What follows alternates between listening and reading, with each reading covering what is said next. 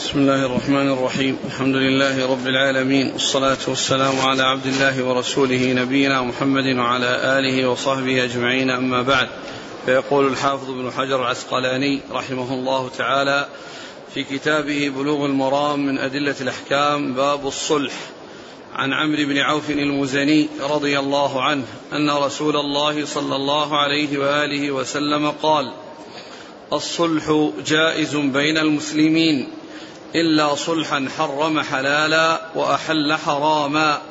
والمسلمون على شروطهم إلا شرطا حرم حلالا وأحل حراما. رواه الترمذي وصححه وأنكروا عليه لأن راويه كثير بن عبد الله بن عمرو بن عوف ضعيف وكأنه اعتبره بكثرة طرقه. وقد صححه ابن حبان من حديث أبي هريرة. بسم الله الرحمن الرحيم الحمد لله رب العالمين وصلى الله وسلم وبارك على عبده ورسوله نبينا محمد وعلى آله وأصحابه أجمعين أما بعد. يقول الحافظ بن حجر رحمه الله في كتاب بلوغ المرام باب الصلح. والصلح هو التوفيق بين مختلفين سواء كان بين زوجين أو بين قبيلتين أو بين يعني متخاصمين. فإنه يكون الصلح بينهما وهذا الصلح يختلف عن الحكم لأن الصلح يكون برضا الطرفين وفيه توفيق بين الطرفين. وأما الحكم فإنه يكون بشيء يعني قد يرضى فيه البعض ولا يرضى البعض الآخر لأن الصلح فيه تراضي واتفاق. وأما الحكم والبت في الأمر فإنه يكون محكوم عليه ومحكوم له و وهذا هو الغالب يعني فيما يحصل في في في, في, المخاصمات. ولكن إذا حصل الاتفاق بينهما أو وفق بينهما بحيث يتراضيان على يعني شيء لا يكون فيه يعني ارتكاب لأمر محرم ولا مخالفة لشيء مشروع فإن ذلك أمر مطلوب. لما يحصل فيه من التراضي يعني بينهما وأن كل واحد رضي بهذا الذي اصطلح فيه مع خصمه ومع غيره. ثم ذكر المصنف رحمه الله حديث عمرو بن عوف رضي الله عنه أن النبي عليه الصلاة والسلام قال الصلح جائز بين المسلمين. الصلح جائز بين المسلمين. يعني أن الصلح بين المسلمين فيما اختلفوا فيه يعني يكون جائزا فيما يتفقون عليه بشرط ألا يكون هذا الصلح يعني مخالفا لما جاء عن الله وعن رسوله صلى الله عليه وسلم. وكذلك الشروط أيضا يعني هي سائغة والأصل فيها الجواز وإلا شرطا حصل فيه تحليل حرام أو تحليل حرام أو تحريم حلال أو تحليل أو تحريم تحريم حلال إلا صلحا حصل فيه يعني آه، آه، تحريم تحريم يعني شيء حرمه الله أو تحليل شيء حرم تحليل شيء حرمه الله أو تحريم شيء أحله الله. فإن هذا هو الذي لا يسوغ ولا يجوز.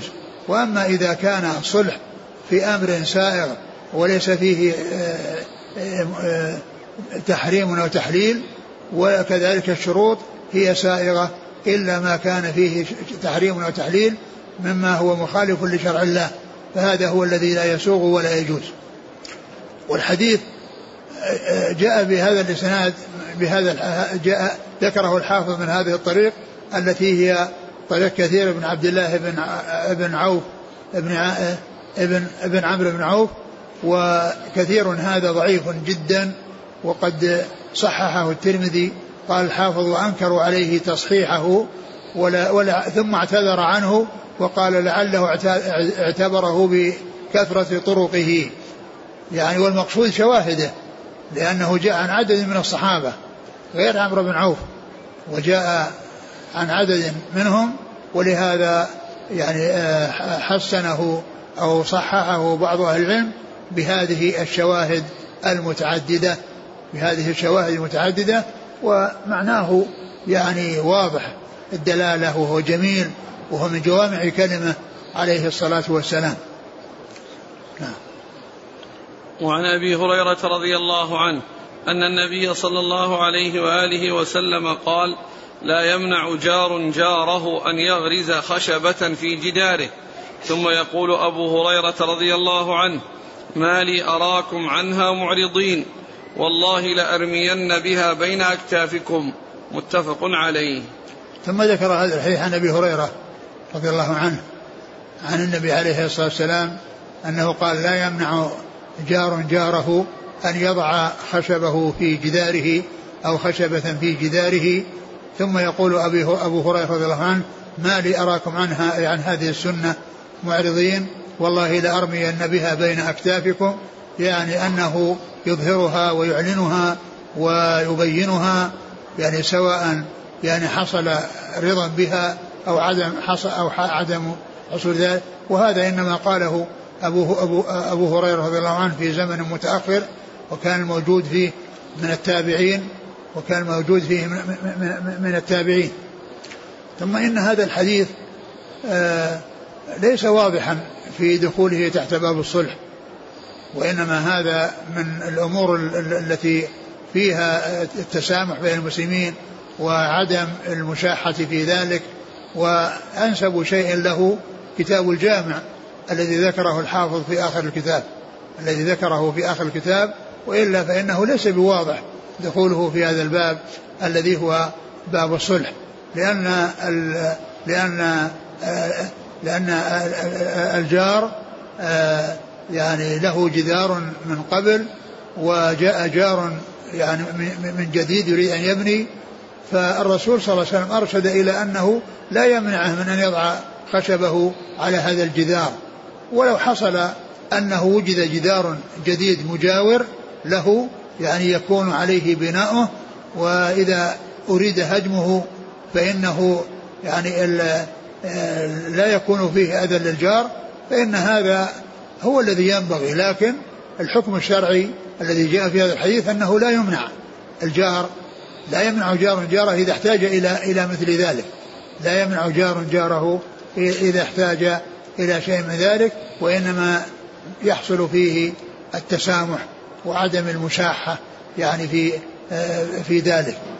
ومن المعلوم أنه في هذا الزمان بعد ما جاءت هذه يعني ال ال ال الإسمنت والحديد أنه تكون العمارات الشاهقة متجاورة وكل واحدة لها يعني أساس ولها أعمدة وإذا أريد إسقاطها وهي تبلغ الأدوار الكثيرة فإنها تسقط وتبقى العمارة اللي بجوارها على على على حالها ما تتأثر ولا تتغير ما تتأثر ولا تتغير.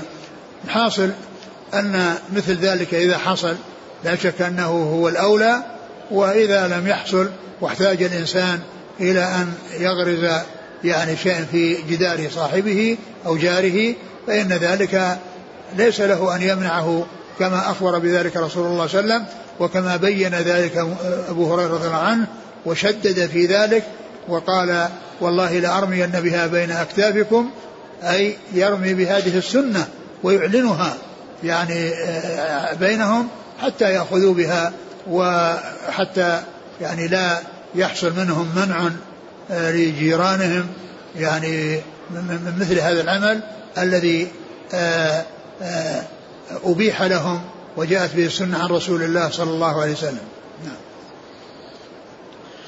وعن أبي حميد الساعدي رضي الله عنه أنه قال قال رسول الله صلى الله عليه وآله وسلم لا يحل لامرئ أن يأخذ عصا أخيه بغير طيب نفس منه رواه ابن حبان والحاكم في صحيحيهما. ثم ذكر هذا الحديث عن أبي حميد الساعدي رضي الله عنه قال لا يحل لامرئ أن يأخذ عصا أخيه بدون بدون لا يحل لامرئ أن يأخذ عصا أخيه بغير طيب نفس منه. لا يأخذ لا يحل لأحد أن يأخذ عصا أخيه بدون طيب نفس منه. يعني ما يأخذ حق غيره إلا إذا طابت به نفسه وأعطاه إياه ومكنه منه. أما أن يأخذ شيئا لغيره دون أن تطيب به نفسه ودون أن يمكنه منه ويعطيه إياه فإن ذلك فإن ذلك لا يسوق. وذكر العصا الإشارة إلى أنه ولو كان شيئا يسيرا ولو كان شيئا تافها فإن الإنسان يحرص على أن يسلم من آه، أن يأخذ حق أخيه ولو كان شيئا يسيرا. لأن ذكر العصا الإشارة إلى آه، كون ذلك الذي يؤخذ يعني شيئا يسير. فما كان كثيرا فهو من باب أولى. فما كان كثيرا فهو من باب أولى. وهذا الحديث أيضا ليس بواضح دخوله في كتاب في باب الصلح. وأقرب ما يكون فيه كتاب الغصب. أو باب الغصب. هذا هو الذي يناسبه. وأما وضعه في هذا المكان وفي هذا الباب فلا يبدو وجه دخوله فيه. نعم. قال رحمه الله تعالى باب الحوالة والضمان. عن أبي هريرة رضي الله عنه أنه قال قال رسول الله صلى الله عليه وآله وسلم مطل الغني ظلم وإذا أتبع أحدكم على ملي فليتبع. متفق عليه. وفي رواية لأحمد فليحتل. ثم ذكر هذا الحديث عن أبي هريرة. باب الحوالة والضمان. باب الحوالة والضمان. الحوالة هي نقل الدين من ملك إلى ملك. من ذمة. من ذمة إلى ذمة. من ذمة إلى ذمة وذلك بأن يعني يكون الشخص الذي يعني عليه الدين يحيل على شخص آخر يحيل إلى شخص آخر فينقل الحق من ذمته الذي هو المحيل إلى ذمة غيره الذي هو المحال عليه الذي هو المحال عليه. و ويكون هذا يعني برضا المحال. يكون هذا برضا, برضا المحال. أما المحال عليه فليس فليس لازما أن يكون برضاه لأنه مدين وسواء كان دائنه الأول أو دائنه الثاني الذي نقل نقل الحق من ذمته إلى ذمة إلى إلى ذمة غيره. فالحوالة يعني هي نقل نقل المال من ذمة إلى ذمة أو نقل الدين من ذمة إلى ذمة. فثبت في هذا الحديث عن رسول الله صلى الله عليه وسلم. ولكن يعني ال ال ال ولكنه ذكر في أوله أن مطل الغني ظلم. يعني كونه يماطل فلا يدفع الذي عليه مع أنه واجد المال وعنده المال فإنه ظلم. للذي عليه للذي له الحق لا يجوز له وإنما إذا كان موسرا فإن عليه أن يدفع أن يدفع الذي عليه ولا يماطل. وأما بالنسبة للفقير فإن عليه آه، فإنه الحكم في حقه كما قال الله عز وجل وإن كان ذو عسرة فنظرة إلى ميسرة وقد مر بنا الحديث الذي قال فيه الرسول صلى الله عليه وسلم لي الواجد ظلم يحل عرضه وعقوبته. لي الواجد يعني مطله يعني مطله الواجد الذي هو غني. يحل عرضه وعقوبته يحل عرضته عرضه فيقول ظلمني ويتحدث فيه ويعني يذكر يعني يعني هذا الذي الذي حصل منه من الظلم له. ويحل عقوبته بأن يحبس بأن يحبس حتى يسدد. أما الفقير الذي ليس عنده شيء فالأمر كما قال الله عز وجل وإن كان ذو عسرة فنظيره إلى ميسرة فالحديث الأول لي الواجد والواجد هو الغني الذي بيده يعني ما يسدد به دينه. وهنا حيث المعنى مطل الغني مطل الغني وهو تأخير يعني إيصال الحق إلى صاحبه مع أن المال موجود بحوزته وهو واجد للمال وهو غني فعليه أن يسدد الذي عليه وإذا حصل أنه أي هذا المطلوب والذي في ذمته الدين أحال إلى يعني شخص آخر فإن فإن آه، ذلك آه، أرشد الرسول صلى الله عليه وسلم أن من أحيل فليتبع أن من أحيل إلى مليء فليتبع. ولكن هذا برضاه يعني برضاه. وأما إذا كان ذاك الذي حول عليه هو من جنسه أو أسوأ منه وهذا معروف فإن للإنسان أن يبقى مع الضرر الأخف ولا يتحول إلى ما هو ضرر أشد. مطل الغني ظلم وإذا أتبع أحدكم على ملي فليتبع. يعني أتبع يعني أحيل. نعم.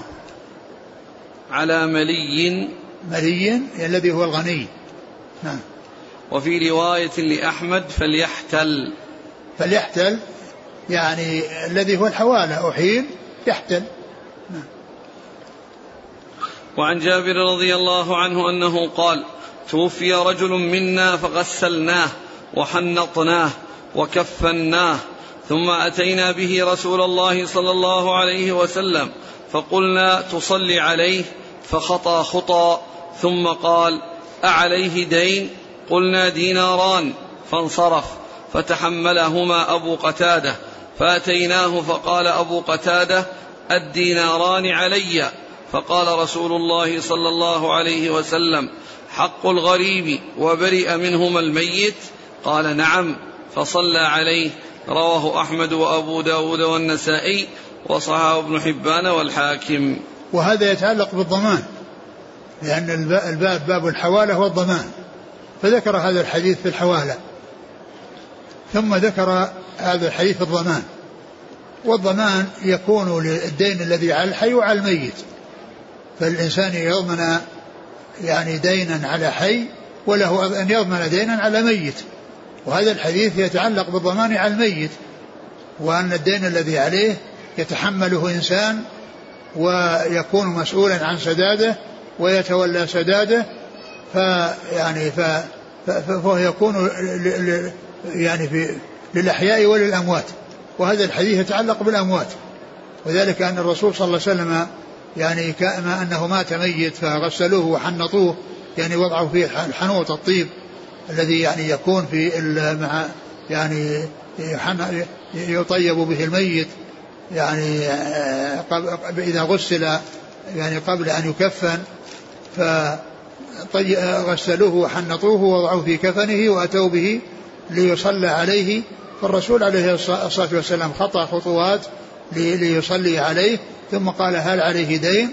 قالوا ديناران. فقال صلوا على صاحبكم. يعني أراد أن يبين خطورة الدين وأن الناس لا يتهاونون فيه وأن وجوده يكون سببا في حرمان صاحبه من صلاة الرسول صلى الله عليه وسلم عليه وشفاعته له.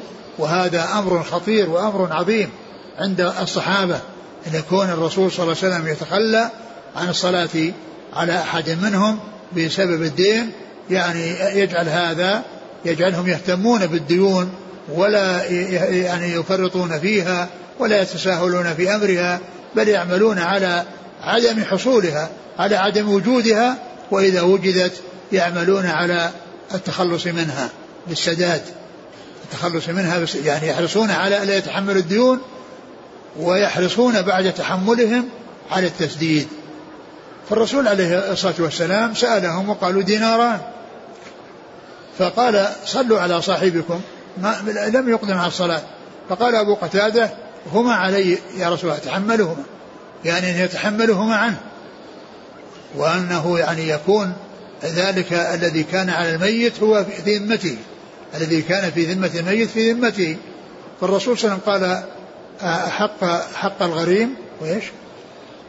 قال صلى الله عليه وسلم حق الغريب وبرئ منهما الميت. يعني أن هذا يعني استقر في آه، ذمة الغريم وبرئ منهما الميت. الغريم الذي غرم والذي تحمل هذا الدين يعني صار ثابتا عليه وملزما به والميت يعني آه، آه، سلم من ذلك. لكن مع هذا الرسول عليه الصلاة والسلام كان سأل عن ذلك فيما بعد وسأل عن السداد وهذا يدل على أن على أن الدين إذا كان على الميت وأنه تحمله أحد أنه لا تبرأ ساحته وتبرأ ذمته إلا بحصول السداد من صاحبه ووصول الحق إلى إلى إلى الدائن الذي الذي له الدين على على الميت. فالرسول صلى الله عليه وسلم يعني أراد أن يتحقق وأن يحقق بأن الميت يعني آه، برئ يعني من هذا الدين وأن الغريم الذي هو تحمله عنه هو الذي حق عليه وهو الذي لازمه وهذا فيه تأكيد. يعني هذه الحو... هذا التحمل وأن البريء وأن الميت يعني لم يبقى في ذمته شيء وأنه تحول إلى ذمة هذا الغريم الذي غرم وتحمل ذلك الدين الذي على الميت. وعن أبي هريرة رضي الله عنه أن رسول الله صلى الله عليه وآله وسلم كان يؤتى بالرجل المتوفى عليه الدين فيسأل هل ترك لدينه من قضاء فإن حدث أنه ترك وفاء صلى عليه وإلا قال صلوا على صاحبكم فلما فتح الله عليه الفتوح قال أنا أولى بالمؤمنين من أنفسهم فمن توفي عليه دين فعلي قضاؤه متفق عليه. وفي رواية البخاري فمن مات ولم يترك وفاء. ثم ذكر هذا الحديث أيضا يتعلق بالتحمل تحمل الديون عن الأموات وأن الرسول صلى الله عليه وسلم كان هذا شأنه الذي حصل في قصة أبي قتادة أنه كان يسأل يعني عن الميت إذا أتي به هل عليه دين؟ فإن كان يعني ويسأل هل عنده سداد؟ هل خلف مالا يسدد به ذلك الدين الذي عليه؟ فإن أخبر بأن في بأن هناك سداد تقدم وصلى عليه. وإلا قال صلوا على صاحبكم والمقصود من ذلك كله التحريض على عدم تحمل الديون وعلى التخلص منها إذا إذا وجدت. وأن لا يتهوى الناس في أمر الديون. ولهذا جاء في بعض الأحاديث أن النبي صلى الله عليه وسلم سئل عن الشهيد يغفر له شيء كل شيء فقال نعم يغفر له كل شيء ثم قال إلا الدين. سارني به جبريل آنفا. يعني أن جبريل نزل وأتى بهذا الاستثناء للدين وأخبر به الرسول عليه الصلاة والسلام. ف فكان قبل قبل أن تكثر الأموال وتأتي الغنائم كان يتأخر عن الصلاة وبعدما وجدت الغنائم كان عليه الصلاة والسلام يعني يدفعها ويعني يخرجها من بيت المال عن هؤلاء الذين عليهم الديون. نعم. وعن عمرو بن شعيب عن أبيه عن جده رضي الله عنه أنه قال قال رسول الله صلى الله عليه وآله وسلم لا كفالة في حد. رواه البيهقي بإسناد ضعيف.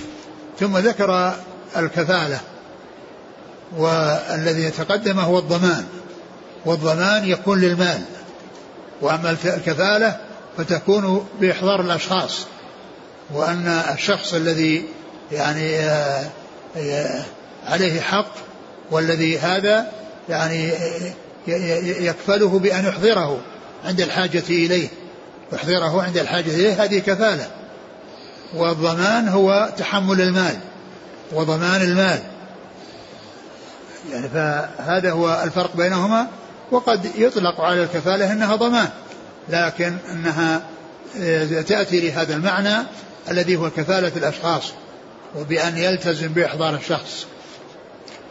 وورد هذا الحديث الذي فيه ضعف لا كفالة في حد لا كفالة في حد من حدود الله يعني أن أن أن أن, أن مثل هذا العقوبة كما هو معلوم إنما تقع على الشخص لا يعني تقع على على الكفيل وإنما تقع على الشخص فلا تكون الكفالة في حد من حدود الله لأن لأن هذا ليس مثل الضمان الذي إذا لم يحصل السداد فيتحول الأمر إلى الضامن الذي ضمن المال وإنما هذا ضمان لإحضار شخص والعقوبة إنما تكون على الجاني وعلى الذي يكون عليه الحد من الحدود وأما الذي يكفل حضوره فإنه لا يكون عليه شيء ولا يلزمه إلا الحضور ولا يلزمه إلا إحضاره وإذا لم يحضره فإنه لا لا يلزمه شيء.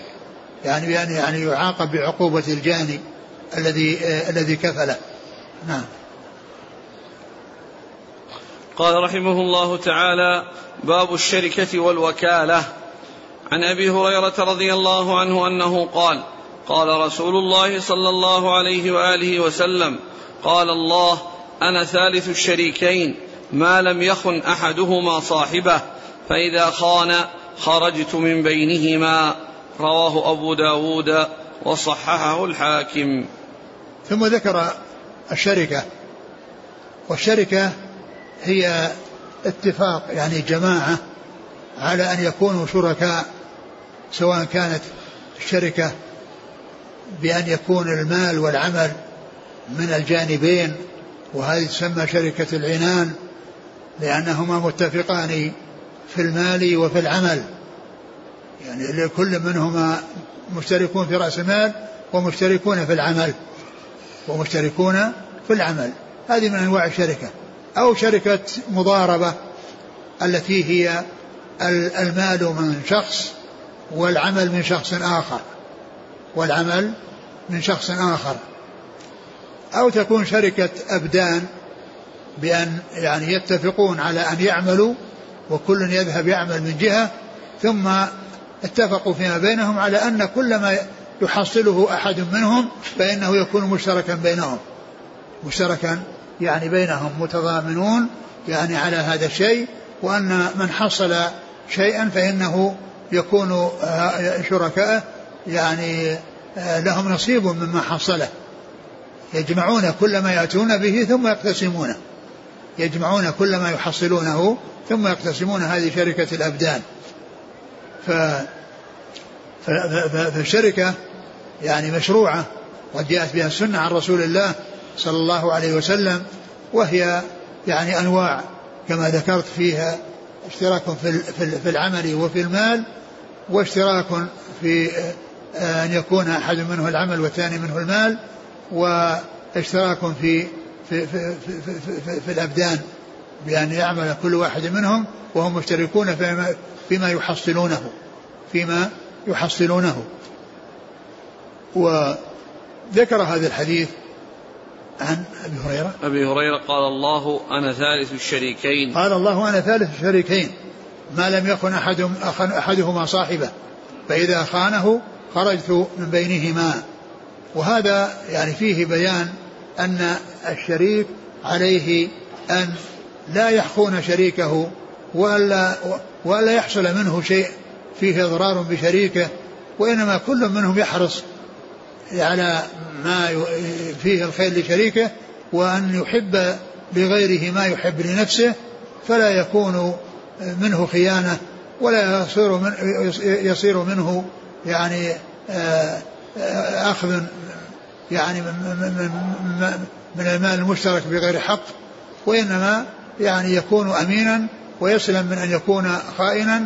و وأن الله عز وجل إذا كانوا على على هذا فإن الله تعالى ثالثهم ويكون معهم مثل ما مثل ما قال الله عز وجل في عن عن آه، الرسول صلى الله عليه وسلم وأبي بكر معه آه، آه، ما ظن قال الرسول صلى الله عليه وسلم ما ظنك باثنين الله ثالثهما. ما ظنك باثنين الله ثالثهما فهو ثالثهما يعني يكون في رعايته وتأييده ونصره وتسديده وإعانته. ف فإذا حصل منه الخيانة فإنه لا يحصل يعني هذا الذي يحصل من الله عز وجل فيما إذا حصل البعد عن الخيانة والسلام عن الخيانة فإن آه، فإنه لا يحصل لهم هذا الذي يحصل لهم آه، بكونهم على استقامة وعلى نصح وعلى إخلاص. لكل كل واحد لا يخص نفسه بالنفع وإنما ينفع غيره كما ينفع نفسه ويحب لغيره ما يحب لنفسه. ما يكون شأنه أن يكون إذا كان الحق أخذه كاملا وإذا كان عليه أداه ناقصا كما قال الله عن المطففين ويل للمطففين الذين إذا اكتالوا على الناس يسوون وإذا كالوهم أو وزنوهم يخسرون يعني أنه إذا كان لهم الحق أخذوه كاملا وإذا كان عليهم بخسوه ونقصوه. يعني إما كيلا أو وزنا أو أو عدا أو غير ذلك. يعني ف فيكون شأن الإنسان أنه يحب لنفسه ما يحب يحب لغيره ما يحب لنفسه. ولا يكون يعني آآ آآ آآ يعني حريصا على أن يأخذ وليس حريصا على أن يعطي. كما الرسول صلى الله عليه وسلم بين عن الحالات الثلاث التي الله تعالى يكرهها يعني ال إن الله كره, كره لكم ثلاثة. ثلاثا أن قيل وقال قيل وقال وكثرة وإضاعة المال. لا لا الحديث الآخر. ومنع وهات إنه كره لكم يعني حقوق الأمهات ووأد البنات ومنع وهات. منع وهات. يعني حريص على أنه يأخذ ولكن لا يحصل منه يعطى. يعني يجيد هات ولا يجيد خذ. يعني هذا هذا شأنه. فيكون جموعا منوعا. يعني يحرص على حقه ولا يحرص على أداء الحق الذي عليه. ولا يحرص على أداء الحق الذي عليه. نعم. وعن السائب المخزومي رضي الله عنه أنه كان شريك النبي صلى الله عليه وآله وسلم قبل البعثة فجاء يوم الفتح فقال مرحبا بأخي وشريكي رواه أحمد وأبو داود وابن ماجه. ثم هذا الذي الذي آه، السائب المخزومي كان شريكا للنبي صلى الله عليه وسلم قبل البعثه كان شريكا له قبل البعثه ثم أتاه بعد ذلك فقال الرسول صلى الله عليه وسلم له مرحبا بأخي وشريكي. وجاء في بعض الروايات كنت لا تداري ولا تماري يعني في عند أبي داود. ف يعني فهذا يدل على يعني حسن المعاملة في الشركة وأن الإنسان يؤدي ما عليه فيها على الوجه المطلوب. وأن آه، فائدتها وتستمر وتبقى ولا تنسى لأن الجميل لا ينسى. الإنسان إذا عامل إنسان معاملة طيبة ثم ترك هذه المعاملة يذكره بخير بعد ذلك. ولكنه إذا كان بخلاف ذلك يعني يذكره بغير الخير. نعم. وعن عبد الله بن مسعود رضي الله عنه قال اشتركت أنا وعمار وسعد فيما نصيب يوم بدر. الحديث رواه النسائي وغيره. ثم ذكر هذا الحديث في اشتراك هؤلاء الثلاثة في التي هي شركة الأبدان. يعني سعد. عبد الله بن مسعود وعمار وسعد. عبد الله بن مسعود وعمار وسعد. يعني فاشتركوا يعني شركة أبدان. فيما يصيبونه يوم بدر. نعم. نعم. فيما يصيبونه يوم بدر فجاء جاء عمار. حديث لم يتمه. جاء. حديث قال الحديث. نعم. يعني جاء أحدهما بشيء والآخر لم يأتي بشيء وصاروا شركاء في ذلك. والحديث فيه ضعف. تمامه فجاء سعد بأسيرين. نعم.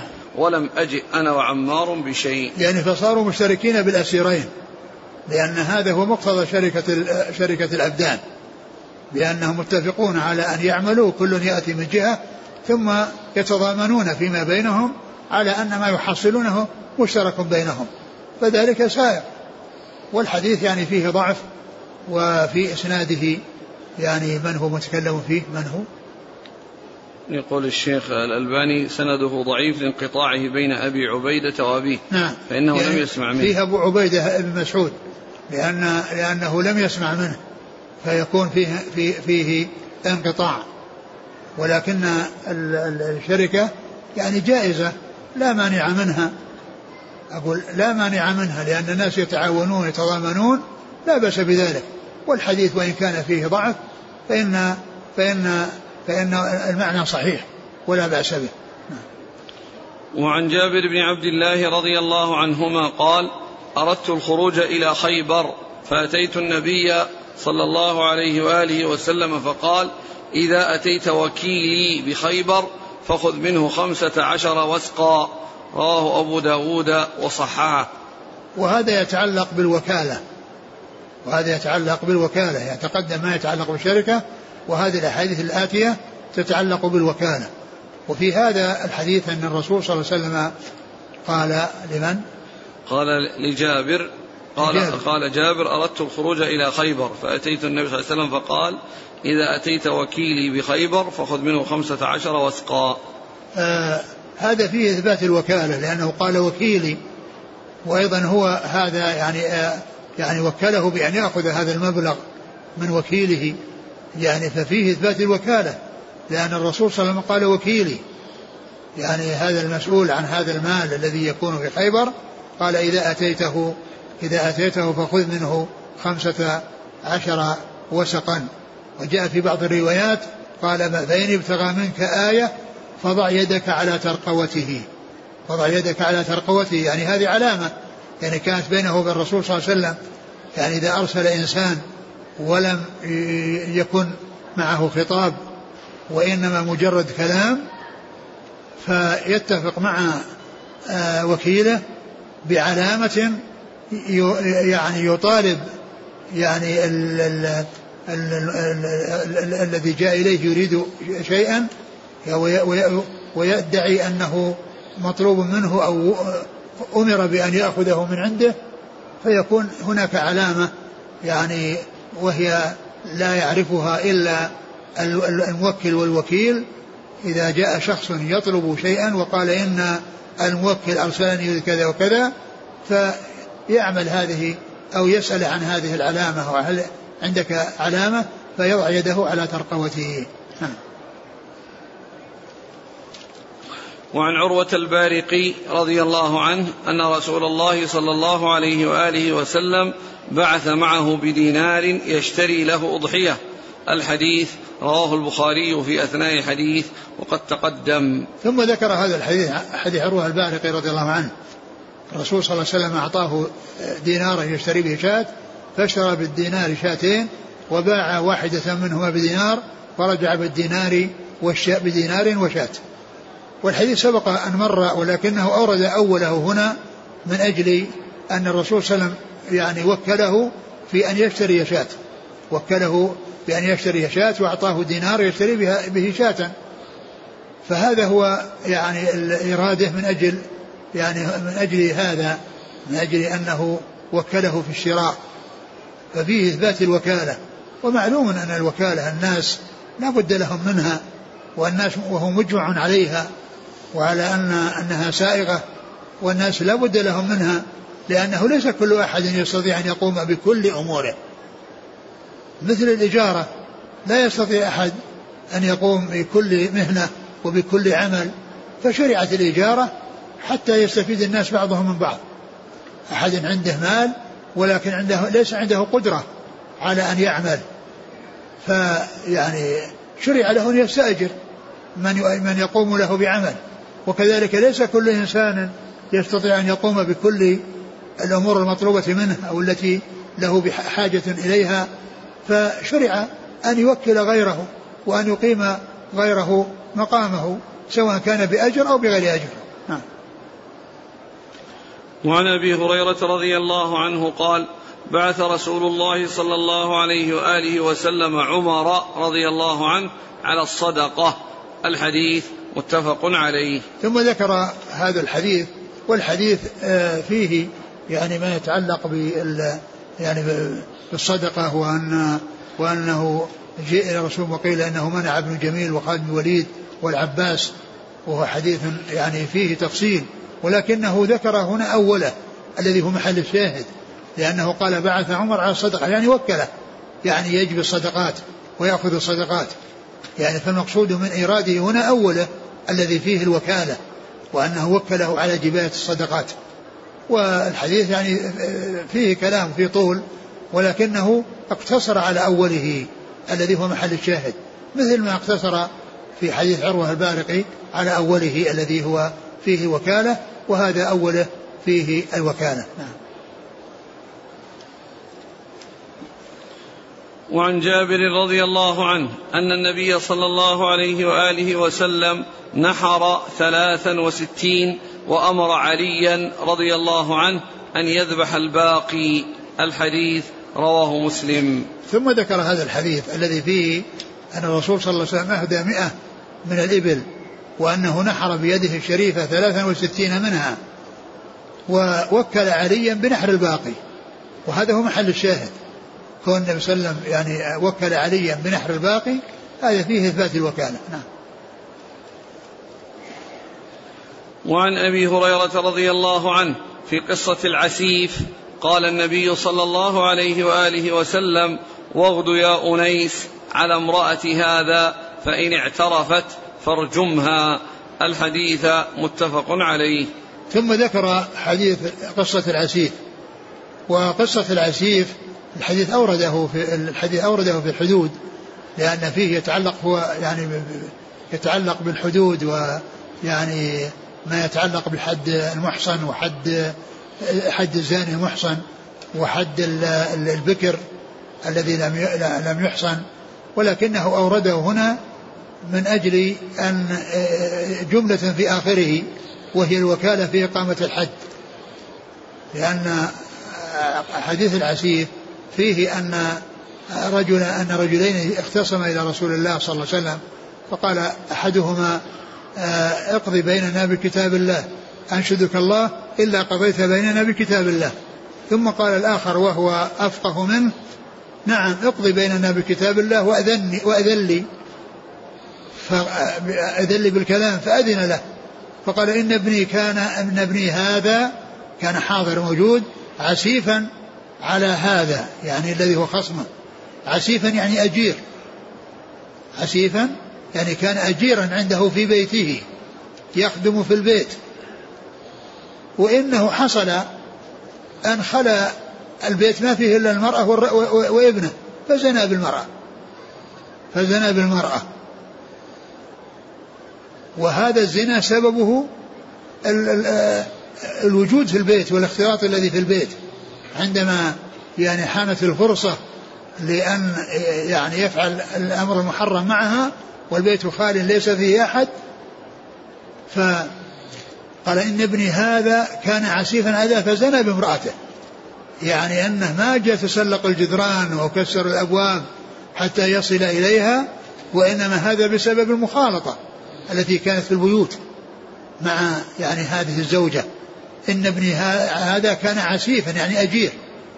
يشتغل عندهم الخدمة. فزنى بامرأته بسبب كونه أجير عندهم.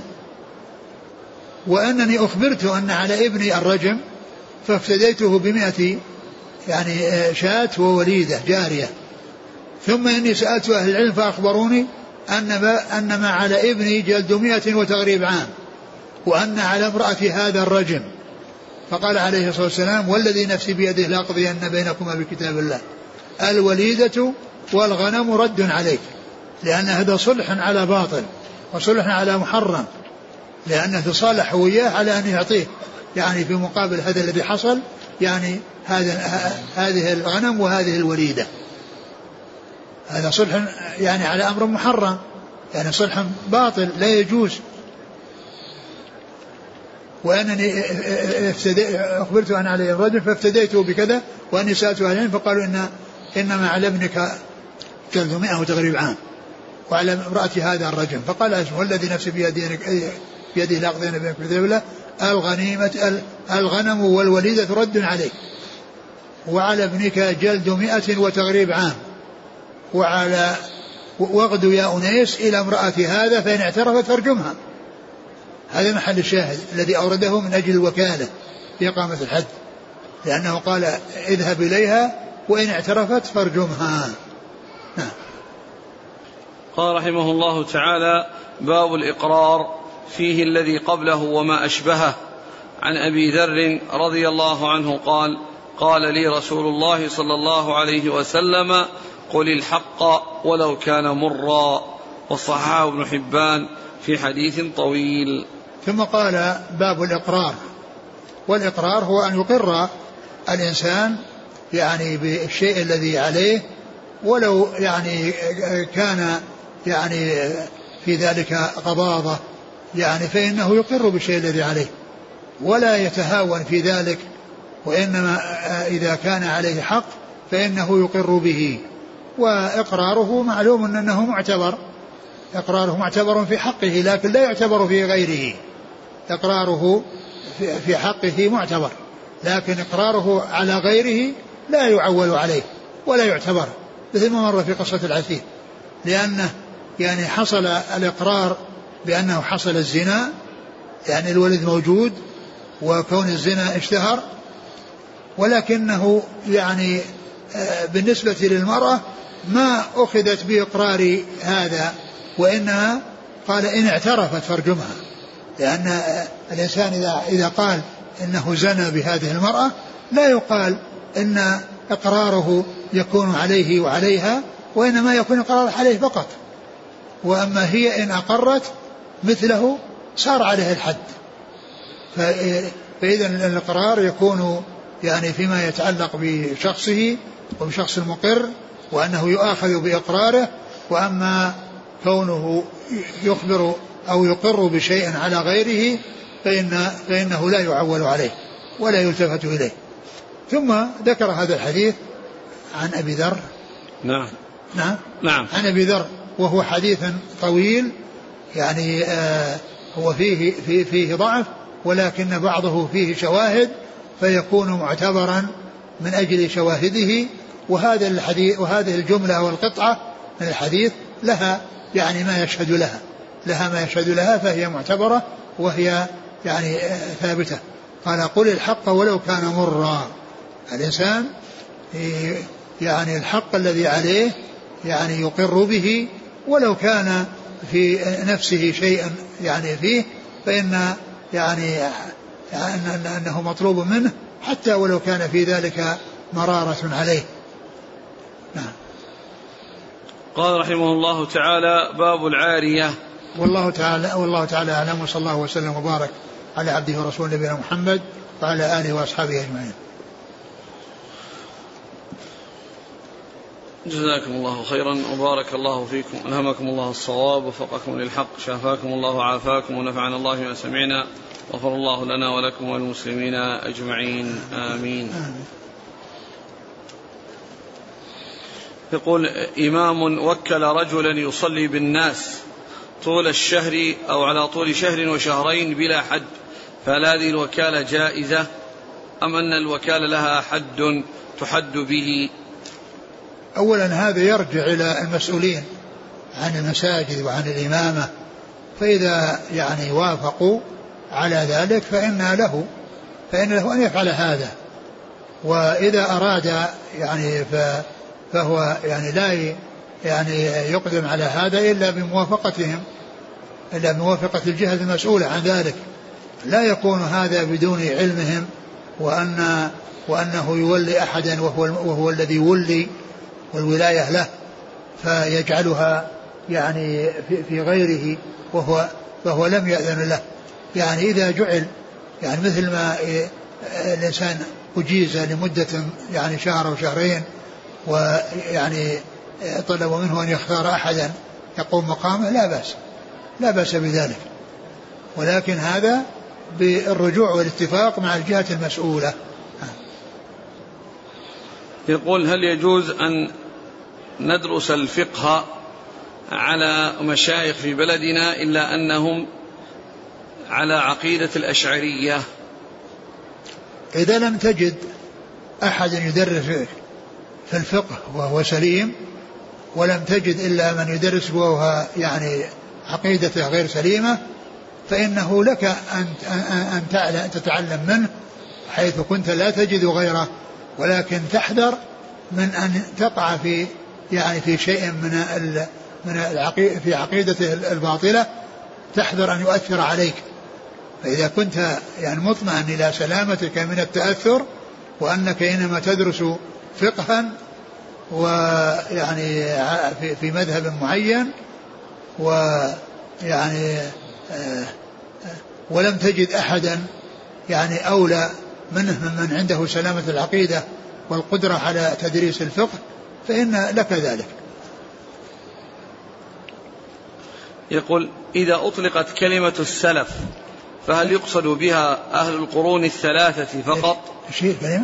السلف. آه السلف هم الصحابة وكذلك يليهم القرن الثاني والثاني والثالث وكل من سار على نهجهم. يعني هؤلاء السلف اللي هم الصحابة ومن, ومن بعدهم. ومن تبعهم فهو على منهجهم وعلى طريقتهم. ومن خرج عن طريقتهم ومنهجهم فهو من الخلف لا من السلف. يقول ذكرت ولهذا ولهذا يقول الشاعر وكل وكل خير في اتباع من سلف وكل شر في ابتداع من خلف. كل خير في اتباع من سلف وكل شر في ابتداع من خلف. يقول آه، ذكرتم فضيلة الشيخ أنه يحل التكلم في عرضه لي الواجد. أليس هذا من الغيبة؟ إلا هذا مما استثني من الغيبة لأن الغيبة فيها أمور سبعة أو ستة ذكرها العلماء في المصطلح وذكرها النووي في أول في باب في باب الغيبة أو في أول باب الغيبة من رياض الصالحين. وهذا منها. يعني بأن يعني يعني إنسان يحدث عنه أنه ظلمه وأنه يعني حصل منه ظلم له. يبيح يحل ذلك لقوله يحل عرضه لأنه جاء الحديث يدل على ذلك. لكن لا يبالغ ويأتي بشيء يعني خارج يعني عن ال عن عن ال ال الذي يتعلق بحصول الظلم لأن ذلك اعتداء. يعني لو أتى بشيء أكثر مما يتعلق بالظلم الذي حصل له فإن ذلك اعتداء. وهي أمور مستثنات يعني ك كال كال عند الاستشارة كون إنسان يستشار يعني للمصاهرة أو للمشاركة فإن عليه أن يبين كما جاء في الحديث الذي فيه أن معاوية وأبا الجهم يعني خطب المرأة وأخبرت الرسول صلى الله عليه وسلم بأنهما خطباها وقال الرسول عليه الصلاة والسلام إن معاوية صعلوك لا مال له وأن أبا الجهم لا يضع العصا عن عاتقه. يعني يجوز يعني فيما يتعلق تجوز الغيبة ويستثنى من الغيبة المحرمة ما كان على سبيل التظلم عند القاضي أو عند المفتي مثل ما مر في حديث آه، حديث هند امرأة أبي سفيان التي جاءت وقال إن أبا معاوية أن أن أن أبا سفيان رجل يعني شحيح وأنه لا يعطيها ما يكفيها ولدها بالمعروف فقالت شحيح. وتكلمت في غيبته وصفته بهذا الوصف فعند عند عند الاستفتاء وعند القاضي ويعني يجوز يجوز ذلك نعم. آه، فضيلة الشيخ بالأمس ذكر السؤال عن عن متعة المطلقة هل لكل مطلقة متعة؟ آه، أشكل على الإخوة السامعين يقول ما المراد بكلمة المتعة هنا؟ المتعة هي مقدار من المال يعطيه المطلق لزوجته يعني تطيبا لخاطرها عند هذا الانفصال الذي قد حصل. والمتعة تطلق على متعة الحج وهذا هو التمتع وتطلق على يعني الاستمتاع يعني بالنساء في مدة معينة. وهذا يعني وهذه محرمة متعة النساء وهي تعتبر من الزنا. ولا يجوز الإنسان أن يتفق مع امرأة ويعقد عليها لمدة شهر ثم بعد ذلك ينتهي لأن العقد هو على الدوام عقد الزواج على الدوام. فكونه يعني يتفق مع امرأة ويتزوجها لمدة شهر هذه هي متعة, متعة النساء المحرمة. نعم. يقول إذا كان المحال عليه غني وغير مماطل فهل يجب على المحال أن يذهب إليه؟ إذا أحيل؟ نعم. إذا كان لأنها الآن يعني هو السبب آه، التضرر من هذا الذي عليه. لكن إذا كان معروف أنه غني وأنه لا يماطل نعم. لأن هذا خير له. ماذا يصنع؟ إذا يبقى عند هذا المماطل ويترك ذاك؟ نعم. يقول كيف نجمع بين حديث أسامة إنما الربا في النسيئة وحديث أبي سعيد الذهب بالذهب والفضة بالفضة إلى آخره. الربا ربا فضل وربا نسيئة. وقول وقول آه، آه، ابن عباس إنما الربا في النسيئة يعني ليس معنى ذلك أنه محصور بها ومقصور عليها ولكن بيان أنه أخطر وأنه أشد وأن أنه أعظم. يعني فمعنى ذلك المقصود بالحصر هو في الأشدية وفي الاخطر وفي الأخطر. يقول السائل ما حكم الصلح مع الأعداء؟ وخاصة إذا أحس المسلمون بالهزيمة. الصلح جاء في هذا الحديث. يعني الصلح جائز بين المسلمين. وهو وكذلك بين المسلمين والكفار وكذلك بين المسلمين والكفار وكذلك أيضا بين الكفار. يعني الإصلاح يعني يكون ولكنه ذكر المسلمين لأن الغالب والأصل أن هذا يعني يكون من المسلمين بين المسلمين وإلا فيكون بين المسلمين والكفار. ولهذا جاء في القرآن وإن جنحوا لسلم فاجنح لها توكل على الله. وإذا كان المسلمين يعني آه، آه، ليس عندهم عندهم القدرة وليس عندهم التمكن في الوقت الذي حصل فيه الصلح على أمر يعني يدفع عن المسلمين شرا ويحصل لهم خيرا فإن ذلك يكون كما قلت يعني يكون بين المسلمين والمسلمين ويكون بين المسلمين والكفار ويكون أيضا بين الكفار إذا يعني إذا أريد الإصلاح أرادوا الإصلاح بينهم. يقول فضيلة الشيخ رجل أودع في بنك مبلغا من المال وبعد مدة وجد المال قد زاد فأراد أن يتخلص من الزيادة فهل يجوز له أن يعطيها من عجز عن وفاء دينه أو لطالب علم؟ الشيء الذي وصل إلى الإنسان يعني وهو غير يعني مشروع يعني إذا كان يعني لا يعلم بأن يعني هذا الذي وصل إليه محرم فإنه لا, لا, لا بأس. لأن الذي ذهب قبل أن يعلم يعني معفو عنه. ولكنه إذا كان يعلم أنه محرم وصل إليه محرم وقع في حوزته فإنه يتخلص منه. يعني في في الأمور الممتهنة. هذا أولى ما يكون. في الأمور الممتهنة كبناء الحمامات وتعبير تعبيد الطرق وغير ذلك. يقول أحسن الله إليكم هل يجوز بيع سيارة اشتريتها من المصرف بالتقسيط للاستفادة من ثمنها؟ نعم يجوز. الإنسان إذا اشترى يعني آه، سيارة بثمن مؤجل وقبضها ودخلت في ملكه والمصرف أو غير المصرف هو الذي باعها عليه وخرجت من ملكه إلى ملك هذا المشتري وهي بثمن مؤجل له أن يبيعها على غير المصرف على غير الذي اشتراها منه يعني بثمن معجل وهذه يسمونها مسألة التورق. أما لو باعها على من اشتراها منه فهي مسألة العينة المحرمة التي آه، اتخذت حيلة إلى الربا. يعني بدلا من كونه يقول مثلا ثمانين بمئة يعني ثمانين بمئة يعني راح باع شيء مؤجل بثمانين بمئة ثم اشتراه منه بثمانين. فرجعت السيارة إلى صاحبها وبقيت الذمة مشغولة. يقول حفظك الله ما حكم البيع والشراء عن طريق الإنترنت؟ بأن تعرض السلعة فتباع وتشترى ويخصم للمشتري من حسابه ويوضع في البنك. قضية ال ال الاتفاق يعني عن طريق الهاتف أو عن طريق الإنترنت يعني لا بأس به. أقول لا بأس بذلك. ولكن لابد أن تكون السلعة معروفة والسيارة معروفة.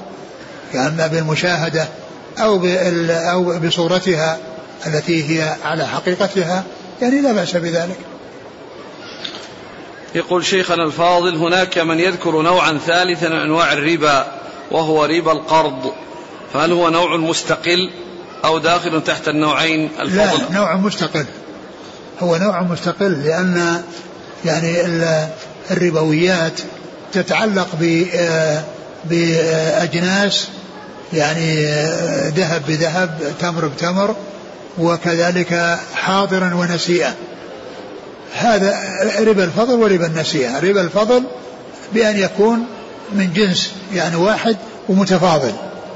وربا النسيئة أن يكون يعني من جنس مع جنس متفاضل ونسيئة أو مع جنسين متفاضل مع التفاضل وهو سائغ يعني التفاضل بين الجنسين سائغ مثل الذهب والفضة سائغ لكن لا بد من التقابض فلا تجوز, تجوز النساء.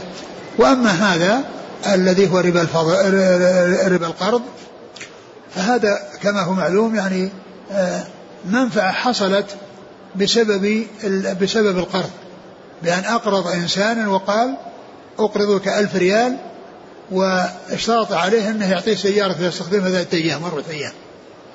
فهذا ربا لأن لأن المسلمين أجمعوا على أن كل قرض جر نفعا فهو ربا. فهذا ما قال ربا فضل ولا ربا نسيئة. نعم.